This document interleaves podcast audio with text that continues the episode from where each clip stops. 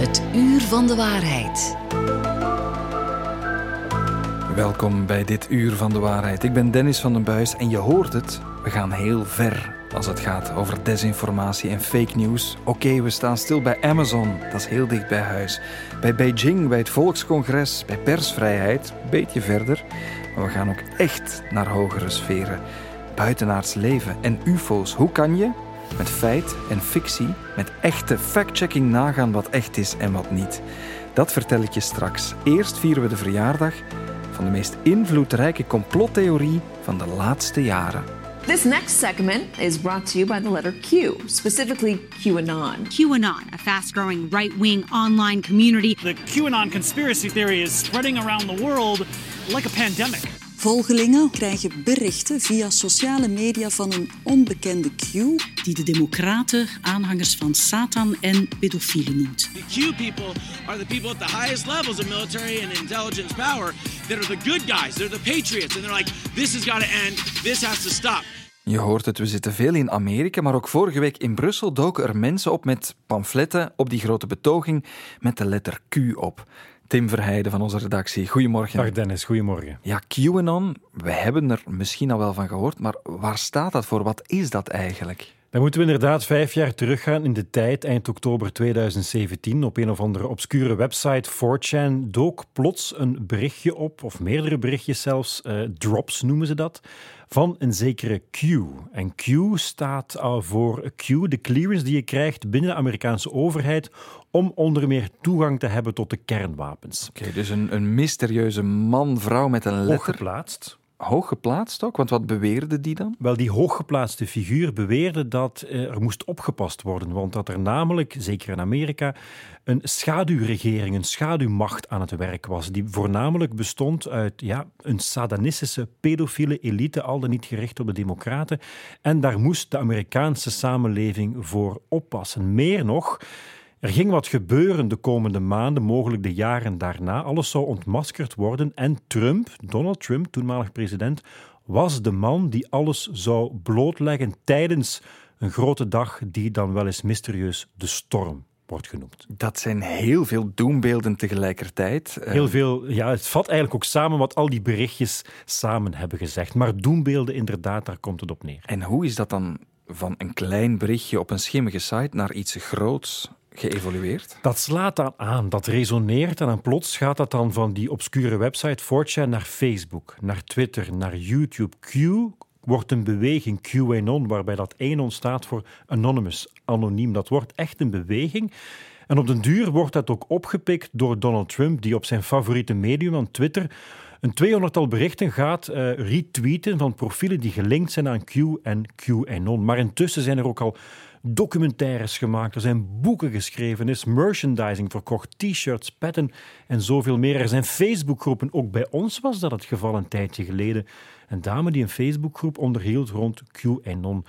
Maar de theorie bevat eigenlijk ook veel. Hè. Het gaat om een satanistische pedofiele elite. Hè. Een elite, de dag van vandaag, is iets wat heel goed aanslaat. Er is iets met die elite aan de hand die heel veel boven onze hoofden um, op dit moment beslist. Of heel die moeilijke wereld blijkbaar niet onder controle krijgt. De problemen voor ons niet opgelost krijgt. Het gaat over kindermisbruik. Het, het meest, meest kwetsbare op aarde, onze kinderen. Ja, want Daar het doet ook belletjes rinkelen. Uh, als we dan terugdenken aan de complotten rond de roze balletten. Dan zitten we met Bende van Nijvel, zitten we ook met in België hetzelfde verhaal eigenlijk. Hè? Elite, kindermisbruik. Het is inderdaad niet nieuw, zoals met vele complottheorieën. Het is niet nieuw, maar het krijgt een modern pakje. Onder meer ook door de sociale media, die ervoor zorgen dat het enorm snel aanslaat natuurlijk. En het is ook een, een Amerikaans verhaal dat je heel lokaal kan vertalen. De boosheid tegen een elite. Maar wat Q ook heel erg goed doet, om het zo te zeggen, hij zet man, mensen aan, hij spoort ze aan om op onderzoek te gaan. Hij zegt nooit iets concreet van dit of dat gaat gebeuren, maar hij zegt: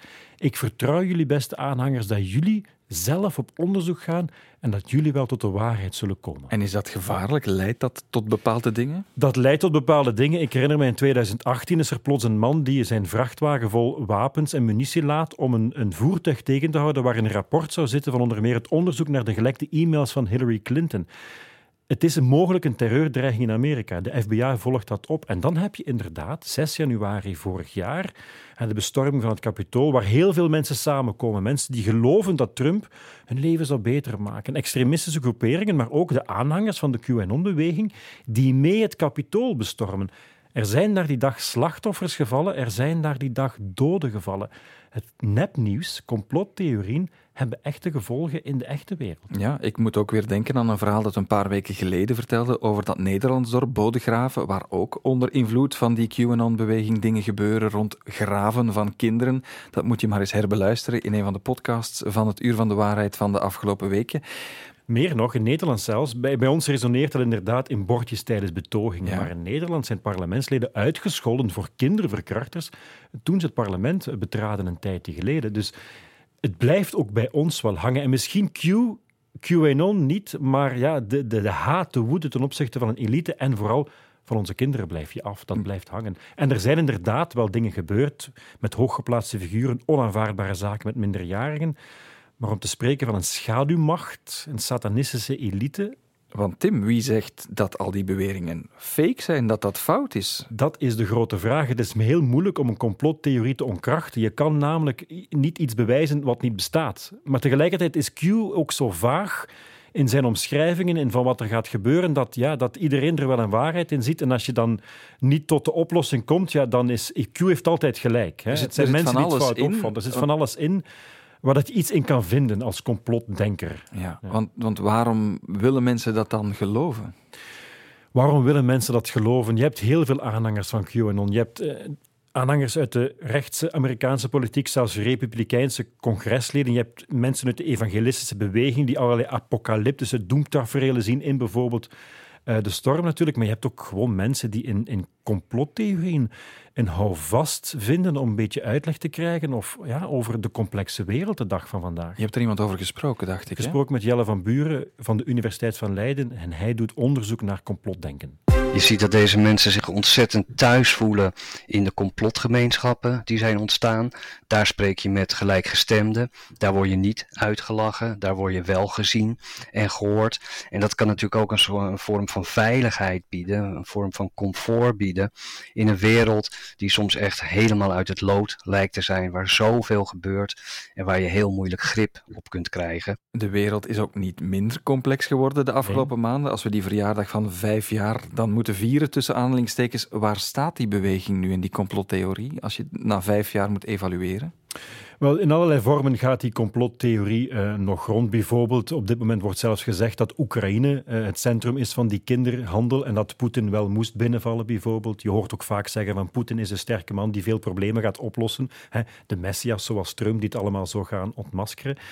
Maar vooral dat, dat, dat anti-elite gevoel, dat blijft toch nog wel hangen, denk ik. Ehm, en wat je ook ziet in Amerika, is dat Donald Trump toch probeert daar een beetje opnieuw ja, een politieke afzetmarkt van te maken. Onlangs tijdens een van zijn bijeenkomsten in Ohio eh, weer klonk er een lied dat leek op een lied gelinkt te zijn aan QAnon. En dan zag je zo vingertjes de lucht ingaan. Mensen staken een wijsvinger op. Hè. One één. En dat komt dan, dat is eigenlijk gelinkt aan QAnon. Ze hebben daar een slogan, where we go one, we go all. Waar één iemand gaat, gaan wij allemaal. Eén iemand, samen. En je hebt ook vooral zo ja, met complottheorieën, je hebt de groep waar dat mensen bij kunnen horen. Hè. Het is een uh, samenhorigheid, het is een samenhorigheid wij tegen de rest. Wij tegen de rest. Mm -hmm. Mensen hebben het gevoel dat ze inderdaad gezien en gehoord worden. En vaak zit achter complotdenken of ook de uitwassen van complottheorieën. Zie mij. En dat is denk ik de dag van vandaag heel erg belangrijk. Is die Q ook nog altijd actief ergens en weten we wie dat is? Um, hij is niet meer actief, denk ik, op dit moment. Misschien dat hij nog wel eens opstaat. Weten we wie het is? Uh, misschien is het één iemand, een man, een vrouw, is het een groep. Um, er zijn een aantal vermoedens. Mensen achter een andere website, wordt wel eens genoemd 8chan, een beetje een broertje van 4chan. Maar er zijn daar niet echt bewijzen voor. Dat houdt de mythe natuurlijk mee in stand. Hè. Tim Verheijden over die vijfjarige verjaardag van QAnon. Dankjewel voor je uitleg. Graag gedaan. Het uur van de waarheid. Het wordt misschien ook het jaar van de waarheid voor UFO's en buitenaards leven, want eerder dit jaar heeft de NASA aangekondigd dat ze dit najaar, nu dus ongeveer, zouden gaan starten met een groot onderzoek naar UFO's. Dat is eigenlijk fact-checking tot en met. Hè. Wat gebeurt er aan de horizon? Wat zien mensen? En klopt dat wel? Ook in ons land zijn er dan mensen mee bezig? Frederik de Lara hangt aan de lijn. Frederik, goedemorgen. Een goedemorgen. Frederik, jij bent de coördinator van het UFO-meldpunt. Wat doen jullie juist? Ja, dus wij krijgen uh, meldingen binnen van, van vreemde luchtverschijnselen, UFO's, hè, Unidentified Flying Objects. En het is onze doelstelling om die waarneming te proberen te verklaren als dat uh, mogelijk is. Ja. En meestal lukt ons dat ook wel. Ja. ja. ik zie op jullie website ook een, een heel mooi verslag. Dan zijn er mensen die een foto sturen, dan zie je een lichtbol. En jullie gaan heel precies na wat dat zou kunnen geweest zijn. Hè? Hoe, hoe begint zoiets? Mm, ja, dat klopt. Dus uh, mensen moeten eerst een formulier gaan invullen op onze website. En daar staan een uh, heel aantal vragen in, zoals uh, tijd van de waarneming, de richting dat het voorwerp verloog, hoe lang het werd waargenomen. En aan de hand van al die parameters kunnen wij al meestal vrij vlug een, een verklaring gaan vinden. Dus als we, als een richting weten, een, een vliegroute zeg maar, dan kunnen we dan gaan uh, nachecken of daar een, een, vliegtuig vloog op dat moment, of een satelliet bijvoorbeeld die, die voorbij vloog. En uh, ja, op die manier proberen we die mensen aan een, aan een rationele verklaring voor hun waarneming te helpen. Ja, en dan krijg je soms een hele uitleg van mensen en dan zeggen jullie gort droog, het was Jupiter of het internationale ruimtestation. ja, inderdaad, ja, ja, ja. Uh, er is een hele race aan verklaringen, zoals je zegt, ja, sterren, uh, waar we meteen um, natuurlijk ook mee um, in contact komen, steeds meer, zijn de drones. Hè. maar dat wordt voor ons een beetje moeilijk, omdat we dat niet nergens kunnen natrekken. Een drone kan vrij opgelaten worden en daar hebben we ja, geen gegevens van dat we kunnen terugvinden. Nee. Dus maar, maar meestal, hoor ik je zeggen, Frederik, is er wel een logische verklaring? Of zijn er soms ja. ook meldingen waarvan jullie denken, dat weten we niet? Ja, we hebben ondertussen al 3400 binnengekregen en ik denk in totaal zitten we met een 40 meldingen waar we geen, geen uh, verklaring voor gevonden hebben. En dan laten we dat mysterie open, zeg maar. We gaan geen, geen wilde theorieën gaan uh, verkondigen over UFO's, want dat is het probleem. UFO's zijn altijd gelinkt aan het buitenaardse natuurlijk, wat we spijtig vinden, want UFO's hebben niet met het buitenaardse te maken. Uh, maar we laten dat vraagstuk open, dus die 40 meldingen hebben we niet kunnen verklaren. Ja, spijtig genoeg. Want van, voor alle duidelijkheid, jullie vertrekken van, van de wetenschap en van feiten, mm, niet van een geloof in dat er andere aliens op ons af zouden komen, hè? Nee, nee, inderdaad niet. Nee, nee, nee, nee. We proberen die dingen allemaal wetenschappelijk te gaan onderbouwen, ook die verklaringen die we geven voor de meldingen. Uh, ja, maar het zit er natuurlijk zodanig goed ingebakken. Hè. Uh, komt een beetje door de filmindustrie, uh, science fiction films, uh, die gelinkt worden met, met groene mannetjes, zeg maar, en UFO's. Weet, en weten de mensen dat, Frederik, die dat aan jullie ja. melden? Hebben die ook niet stiekem de hoop dat ze dat ontdekt hebben? Sommigen wel, natuurlijk. Het grootste deel van de, van de waarnemers die bij ons, terecht, bij ons terechtkomt, zijn in feite ja, heel nuchtere mensen die gewoon iets waarnemen en daar een, een uitleg voor willen krijgen. Maar je hebt natuurlijk een, een aantal mensen hè, die, die ervan overtuigd zijn dat ze iets buitenaards hebben waargenomen. Mm-hmm. En het is dan niet altijd even gemakkelijk om die mensen ook te overtuigen van, van een simpele verklaring. Ja. ja maar jullie zetten het heel helder op jullie website ufomeld.be, hoe jullie, jullie dat gefactcheckt hebben. Is het een goed seizoen mm-hmm. trouwens nu? De herfst? Zachte temperaturen voor zulke waarnemingen? Ja, het grootste deel van de warmte krijg je meestal in de zomerperiode binnen, toch. Uh, en dat, dat komt ook wel omdat ja, mensen zijn dan thuis. Uh, meestal uh, moeten die werken zitten wat langer buiten. En dan zien ze wel iets in de lucht dat ze niet kunnen thuisbrengen. het afgelopen jaar waren er 170 meldingen. Dat is een, een, normaal jaar, zeg maar. Dat krijgen we ongeveer ieder jaar binnen rond de 200 meldingen. maar een tweetal jaar geleden, met de corona-uitbraak, hadden we meer dan 400 meldingen toen. Ja, wat deden we anders dan wat buiten staan? Vanuit ons kop misschien. maar dat hadden we natuurlijk ook met, met Musk, die toen zijn uh, Starlink-satellieten had gelanceerd. Net in die periode dat iedereen thuis was. Het was ook heel mooi weer toen. En ja, dat zagen we een, een, een enorme piek aan, aan meldingen, zeg maar. Oké, okay. ben je nu bezig met iets te onderzoeken, iets dat is binnengelopen? Er zijn een aantal meldingen waar we momenteel aan werken, ja, inderdaad. Uh, er was iemand die een foto had genomen onlangs van een aantal bollen, zeg maar, dicht bij elkaar, die voorbij vlogen. En we denken dat dat uh, een trosje uh, ballonnen is gewoon.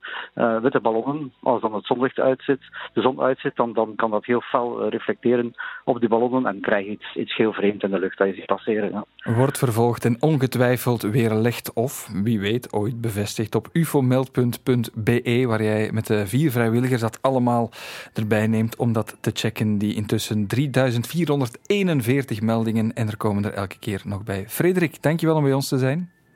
Ja, heel graag gedaan. Het uur van de waarheid. De checkers. Het is weer zover. Elke week krijgen we een prachtig overzicht van de meest opmerkelijke factchecks van de week. Luc van Bakel, goedemorgen. Goedemorgen, Dennis. Deze week starten we met voetbal, want over een kleine maand al start het eh, WK voetbal in Qatar. En daarover duiken allerlei berichten op. Ja, klopt. Op het internet gaat bijvoorbeeld eh, wereldwijd een, eh, een pancarte rond. een soort van afbeelding met daarop een gedragscode over hoe je jezelf moet gedragen op dat WK in Qatar.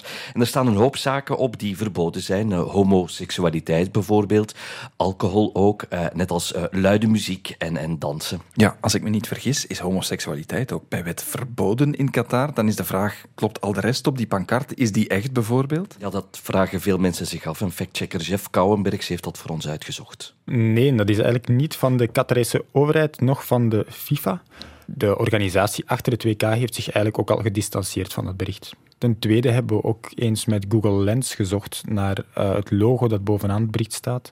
En dat blijkt dus het logo te zijn van een Qatarese actiegroep die zich inzet voor uh, meer religieuze identiteit. Ja, met andere woorden, de afbeelding is van een actiegroep. Maar is dat een officiële pancarte? Nee, het is niet van een officiële instantie. Al blijft het natuurlijk afwachten of iedereen echt zo welkom zal zijn als de overheid in Qatar beweert. Luc, je hebt ook een verhaal meegebracht uit eigen land, uit onze politiek, van onderwijsminister Ben Wijts van NVA. Want op het internet gaat een afbeelding rond waarop een uitspraak van Wijts staat en daar is heel veel over te doen. Klopt, uh, Wijts... Oei, we zijn je microfoon even kwijt, Luc. We gaan hier eens proberen. Ja, Ben Wijts, vertel maar eens wat er daarover te vertellen valt. Wel, uh, Wijts die wordt in het Frans geciteerd. Uh, lege brooddozen zijn de fout van de ouders, klinkt het. Uh, en dat is een afbeelding, en die gaat vooral rond op Twitter. En de uitspraak werd ook al aangehaald, Dennis, in het parlement. Uh, maar wij vroegen ons af of de minister dat nu echt heeft gezegd. collega Rien Emery heeft dat uitgezocht. Heeft Ben Wijts dat ooit gezegd? Wel, nee. Maar het stond wel op een Instagram-post die verschenen is op de Instagram-pagina van RTBF Info, de Franstalige nieuwsdienst. Die hadden een artikel verkeerd vertaald en ze hebben het pas na twee uur offline gehaald. Maar andere mensen hadden dat prentje al gedownload en verspreiden het nog verder. En ze hebben ook een rechtzetting gepubliceerd, maar dan onder de vorm van een Instagram story. Dat is een soort slideshow of video, maar die blijft maar 24 uur of online staan. En dan verdwijnt die automatisch. Dus je kan die rechtzetting ook niet meer terugvinden. En zo is er dus verwarring ontstaan over dat citaat van minister Wijts. Heeft Ben Wijts dus gezegd dat lege brooddozen de schuld zijn van de ouders?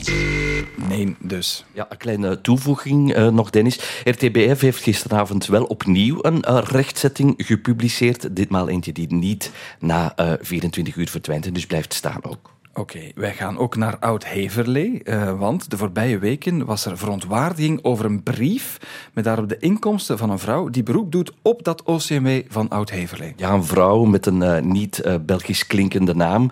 Alle geldbedragen waar de persoon in kwestie recht op heeft, die staan op die brief. Het leefloon, de huursubsidies en dergelijke. En de persoon in kwestie komt zo aan een bedrag van ongeveer 2600 euro.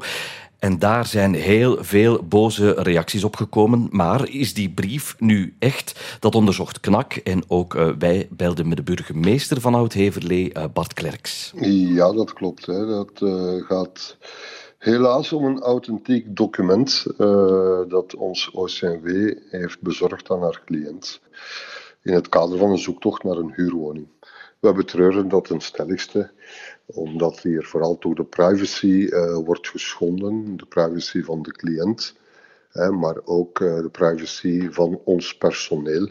Wij krijgen dagelijks uh, telefoontjes en mailtjes wat betreft die brief. Helaas, zegt de burgemeester, maar het is een echte brief, Luc. Ja, de gemeente is intussen wel naar de politie gestapt uh, en hoopt zo stappen te zetten tegen de mensen die die brief op het internet hebben gezet. En de bedragen die vernoemd worden, die 2600 euro, Dennis, dat blijkt allemaal conform de wetgeving te zijn. Soms zijn ze wat hoger, soms wat lager. En dat dat hangt onder meer af van de gezinssamenstelling of de gezondheidstoestand van de persoon in kwestie.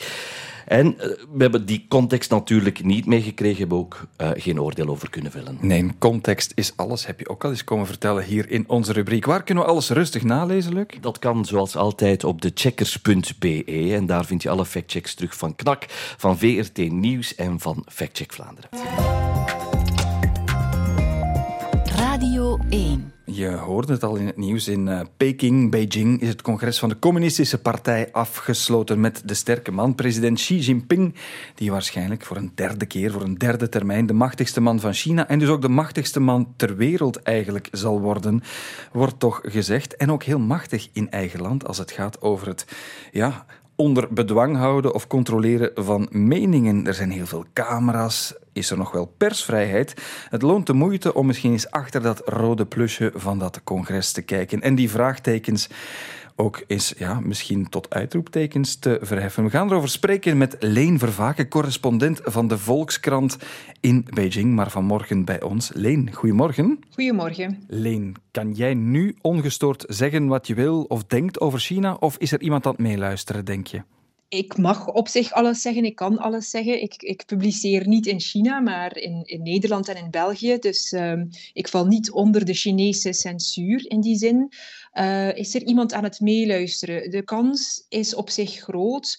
In die zin, um, in de afgelopen jaren hebben we gezien dat uh, regelmatig journalisten uh, ja, op het matje geroepen worden uh, om iets wat zij geschreven hebben of om iets wat hun medium geschreven heeft.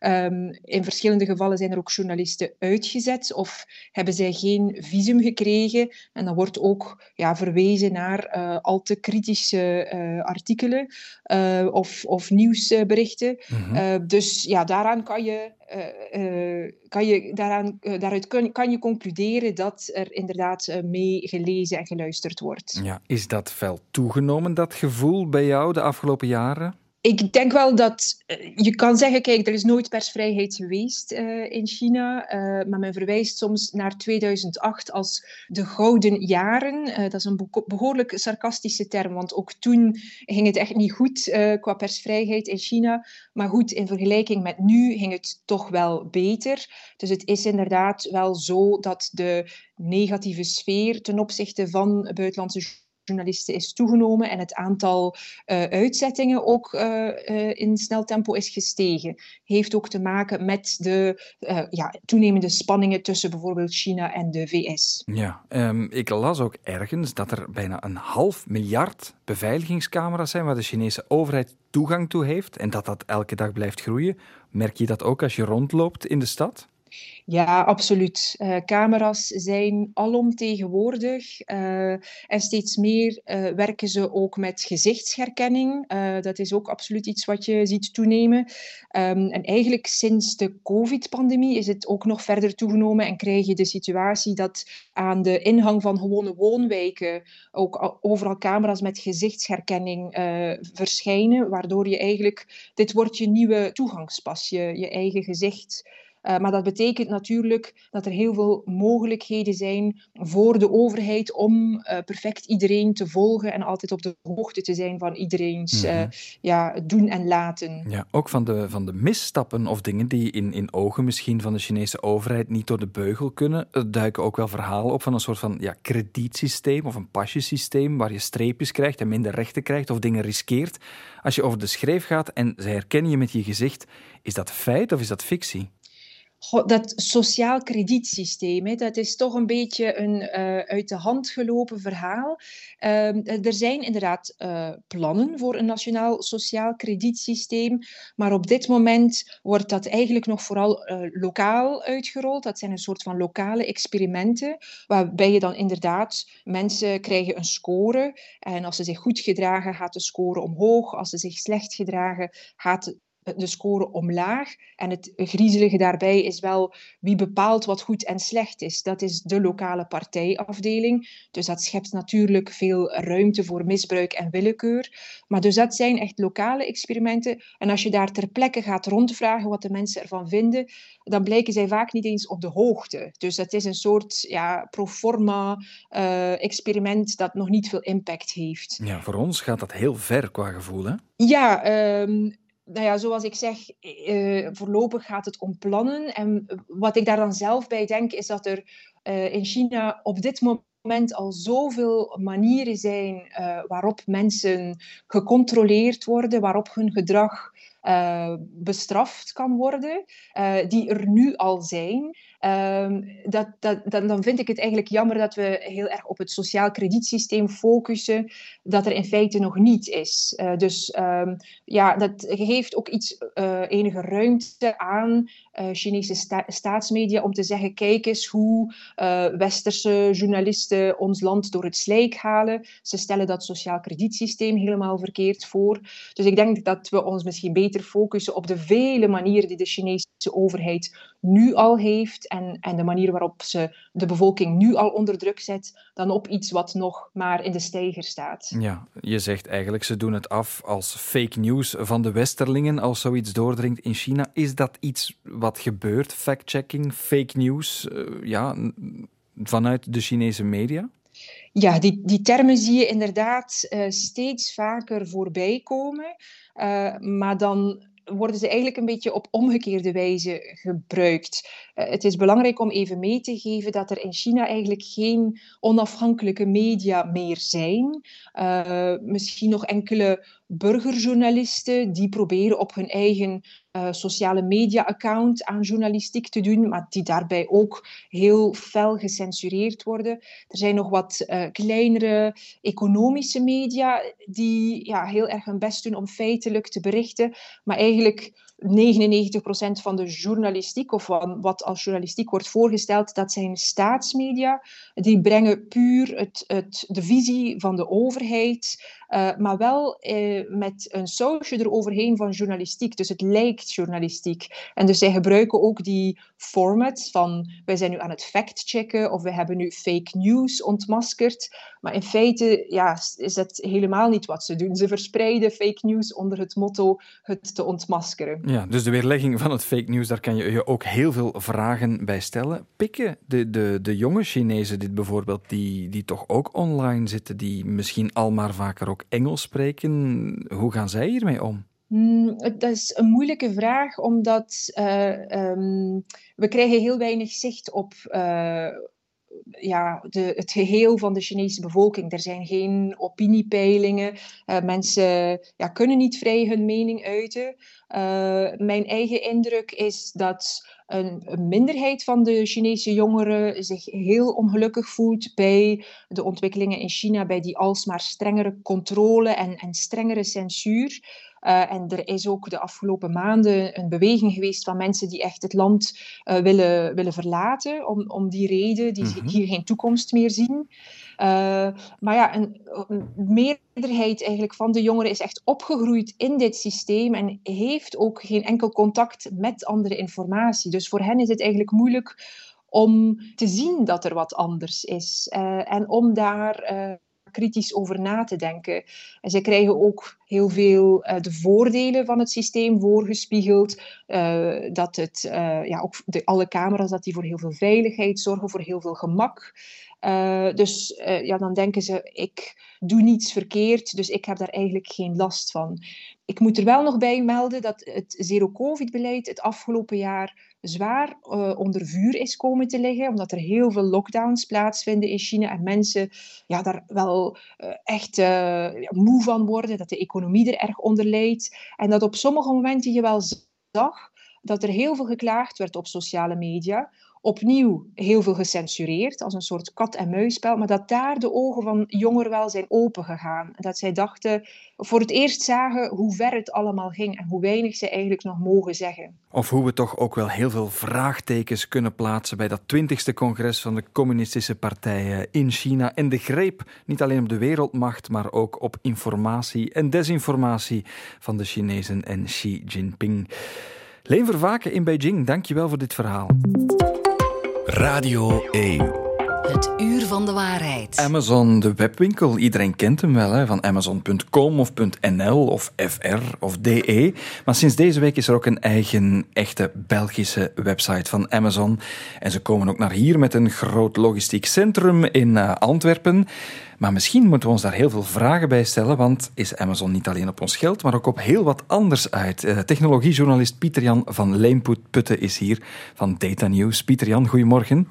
Ja, um, laten we misschien eens eventjes uh, stilstaan bij het feit Amazon. Kunnen we dat vergelijken met bol.com? Is dat gewoon een concurrent ervan die erbij komt? Een stukje van wat Amazon doet is een directe concurrent van bol.com. Uh, bestaan ook al veel langer. Uh, zijn in 94 begonnen als online boekenwinkel en heel snel daarna zijn ze alles beginnen aanbieden. Van wc-papier tot spelconsoles, je kan het zo gek niet bedenken. Beetje de bijnaam die Everything Store. Maar dat is intussen maar een fractie. Dat is uh, eh, 25 jaar geleden. Intussen zijn zij zo uitgebreid dat je, je bent gebruiker bij Amazon, of, of je het nu weet of niet. Wat doen ze dan nog waar we geen besef van hebben? Um, wel, de bekendste dingen die ze doen zijn onder andere Prime Video, een concurrent voor Netflix en Disney+. Uh, de Kindle e-readers, um, Whole Foods, niet actief in België, maar een, supermarktketen.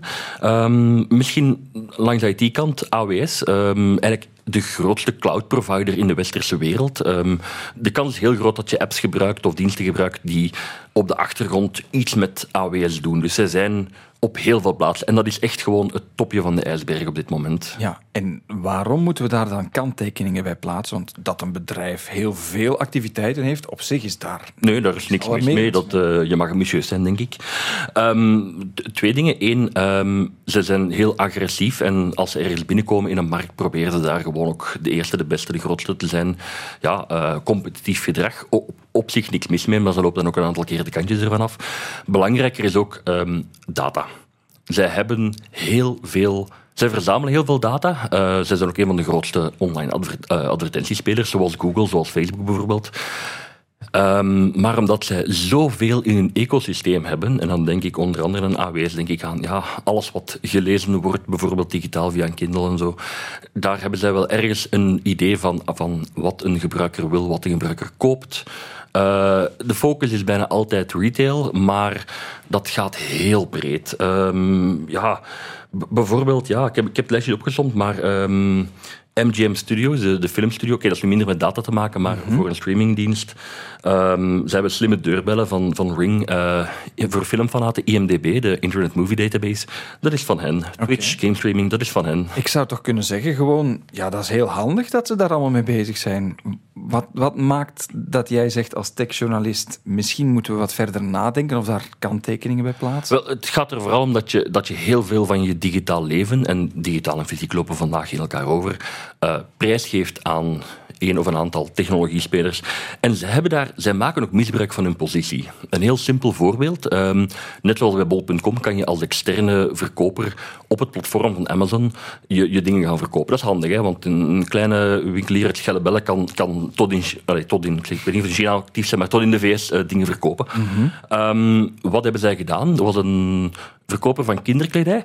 Um, die deed het goed en Amazon heeft gewoon gezien van, ah kijk, die doet het goed, wij gaan hetzelfde aanbieden. Dus een soortgelijk product, maar dan van Amazon. En die man zelf vond, was niet meer te vinden. Dat is dus ze stelen eigenlijk ja, goed werkende formats, die gaan ze zelf produceren en als ja, gigant ook op de is dat je, je eigen zakenpartner een beetje uh, aan de kant schuiven. En dat is, uh, ja, dat, dat is wel ernstig. Ik vraag mij dan als IT-journalist af, niet bewezen voor alle duidelijkheid, doen zij dat ook met AWS bijvoorbeeld, waar ze heel veel data van IT-bedrijven, van IT-infrastructuren hebben. Ja, gebeurt dat daar ook? Eh, dat is niet bewezen voor alle duidelijkheid, dat is puur mijn, mijn vraag. Maar mm -hmm. ja, um, dat doe je niet. Nee. Met de regelmaat van de klok komen er ook berichten naar boven dat ze de arbeidsomstandigheden bij hun werknemers uh, ja, niet in acht nemen. Nu komen ze ook naar Antwerpen met een logistiek center. Dreigt dat ook in ons land te gebeuren, denk je? Ik denk ten opzichte van de VS hebben wij in, in Europa en in België wel meer sociale bescherming. Daar kan je niet buiten. Uh, tweede kanttekening, um, heel veel e-commerce spelers zijn laks met... Ik bedoel, we hebben recent nog invallen gezien bij een aantal logistieke spelers uh, waar de sociale voorwaarden ook niet in orde waren. Dus ze zijn daar niet de enige in. Maar Amazon loopt er de kantjes vanaf. Uh, matig slecht betalen. Zeker tijdens de coronacrisis heel veel klachten over uh, te weinig mondmaskers, te weinig afstand, te weinig... Uh, begrip voor mensen die zeggen: Ik voel me ziek. Twee jaar geleden, als je zei: Ik voel me ziek, zou je zeggen: Blijf een week thuis. Amazon zei: Nee, nee, het is niet betaald worden dan. Hè. Ja, um, daar zijn inderdaad al heel veel aanklachten over gebeurd. Ze hebben ook een flamboyante leider, hè? Uh, de zaakman, de CEO, die, die Jeff Bezos. Wie is hij eigenlijk? Um, ja, dat is de tweede rijkste man ter wereld na Elon Musk. En de enige reden dat die twee af en toe van plaats wisselen is de aandelenkoersen. Dus dat is een man die... Um, laten we zo zeggen, uh, ja, je kan niet meten hoe rijk dat die is eigenlijk. Um, ehm, 58 jaar. Uh, om, nee, om te tonen hoe rijk hij is, hij is gescheiden recent, een paar jaar geleden. En door de scheiding is zijn vrouw de rijkste vrouw ter wereld geworden. dat is om de grootorde te, te schetsen. Dat is ook bezig met ruimtevaart, hè? Ja, um, hij is uh, de laatste jaren, zijn bedrijfje daar rond bestaat al 20 jaar, maar um, bezig met ruimtevaart, commerciële ruimtevaart, ook bezig met satelliet-internet, net zoals Elon Musk trouwens. Um, en er is zo'n quote van hem na zijn eerste commerciële uh, ruimtevaart. Uh, you guys paid for this. en dat was bedoeld als, dit is mogelijk dankzij jullie, maar het kwam over als jullie, jullie klanten en werknemers zorgen ervoor dat ik uh, even kan gaan vliegen. Want is dat zo? Moeten we ons nu zorgen maken als we via Amazon of die Belgische webshop die er nu is, een boek kopen? Wat zou je aanraden? Ho, ik ga niet zeggen, koop daar niet. Want uh, het is nog altijd vrij en er zijn dingen die je quasi alleen maar op Amazon kunt kopen. Ik doe ook één keer om de zoveel jaar daar een bestelling. Um, maar ik vind het wel belangrijk om te duiden van Amazon is veel meer. En daar zit ja, dat is niet altijd een, een proper, netjes ethisch bedrijf. Uh, we, we, gaan hier maar een fractie van de wantoestanden mhm. aankaarten, maar die hebben een geschiedenis. Er is een reden dat in Duitsland, Amazon Duitsland, daar wordt minimum twee keer per jaar gestaakt omwille van de arbeidsomstandigheden. Ja, we denken alleen aan de webwinkel en dat moet misschien anders, zeker uh, na dit gesprek. Pieter-Jan van Leenputten, dankjewel voor je komst. Graag gedaan. En als je dit hoort, dan weet je het intussen al een beetje hoe laat het is. Het einde van het uur van de waarheid zit er aan te komen. Een podcast van VRT Nieuws en Radio 1 was dit. Maar niet getreurd, in de app van VRT Max kan je alle afleveringen herontdekken. Er staan heel veel straffe verhalen in en ik garandeer je, dat is echt geen fake news. Fake news. There's never been an innovation that's so easy to do. They used to be lies, now they're alternative truths. So if you with me, I'll fake it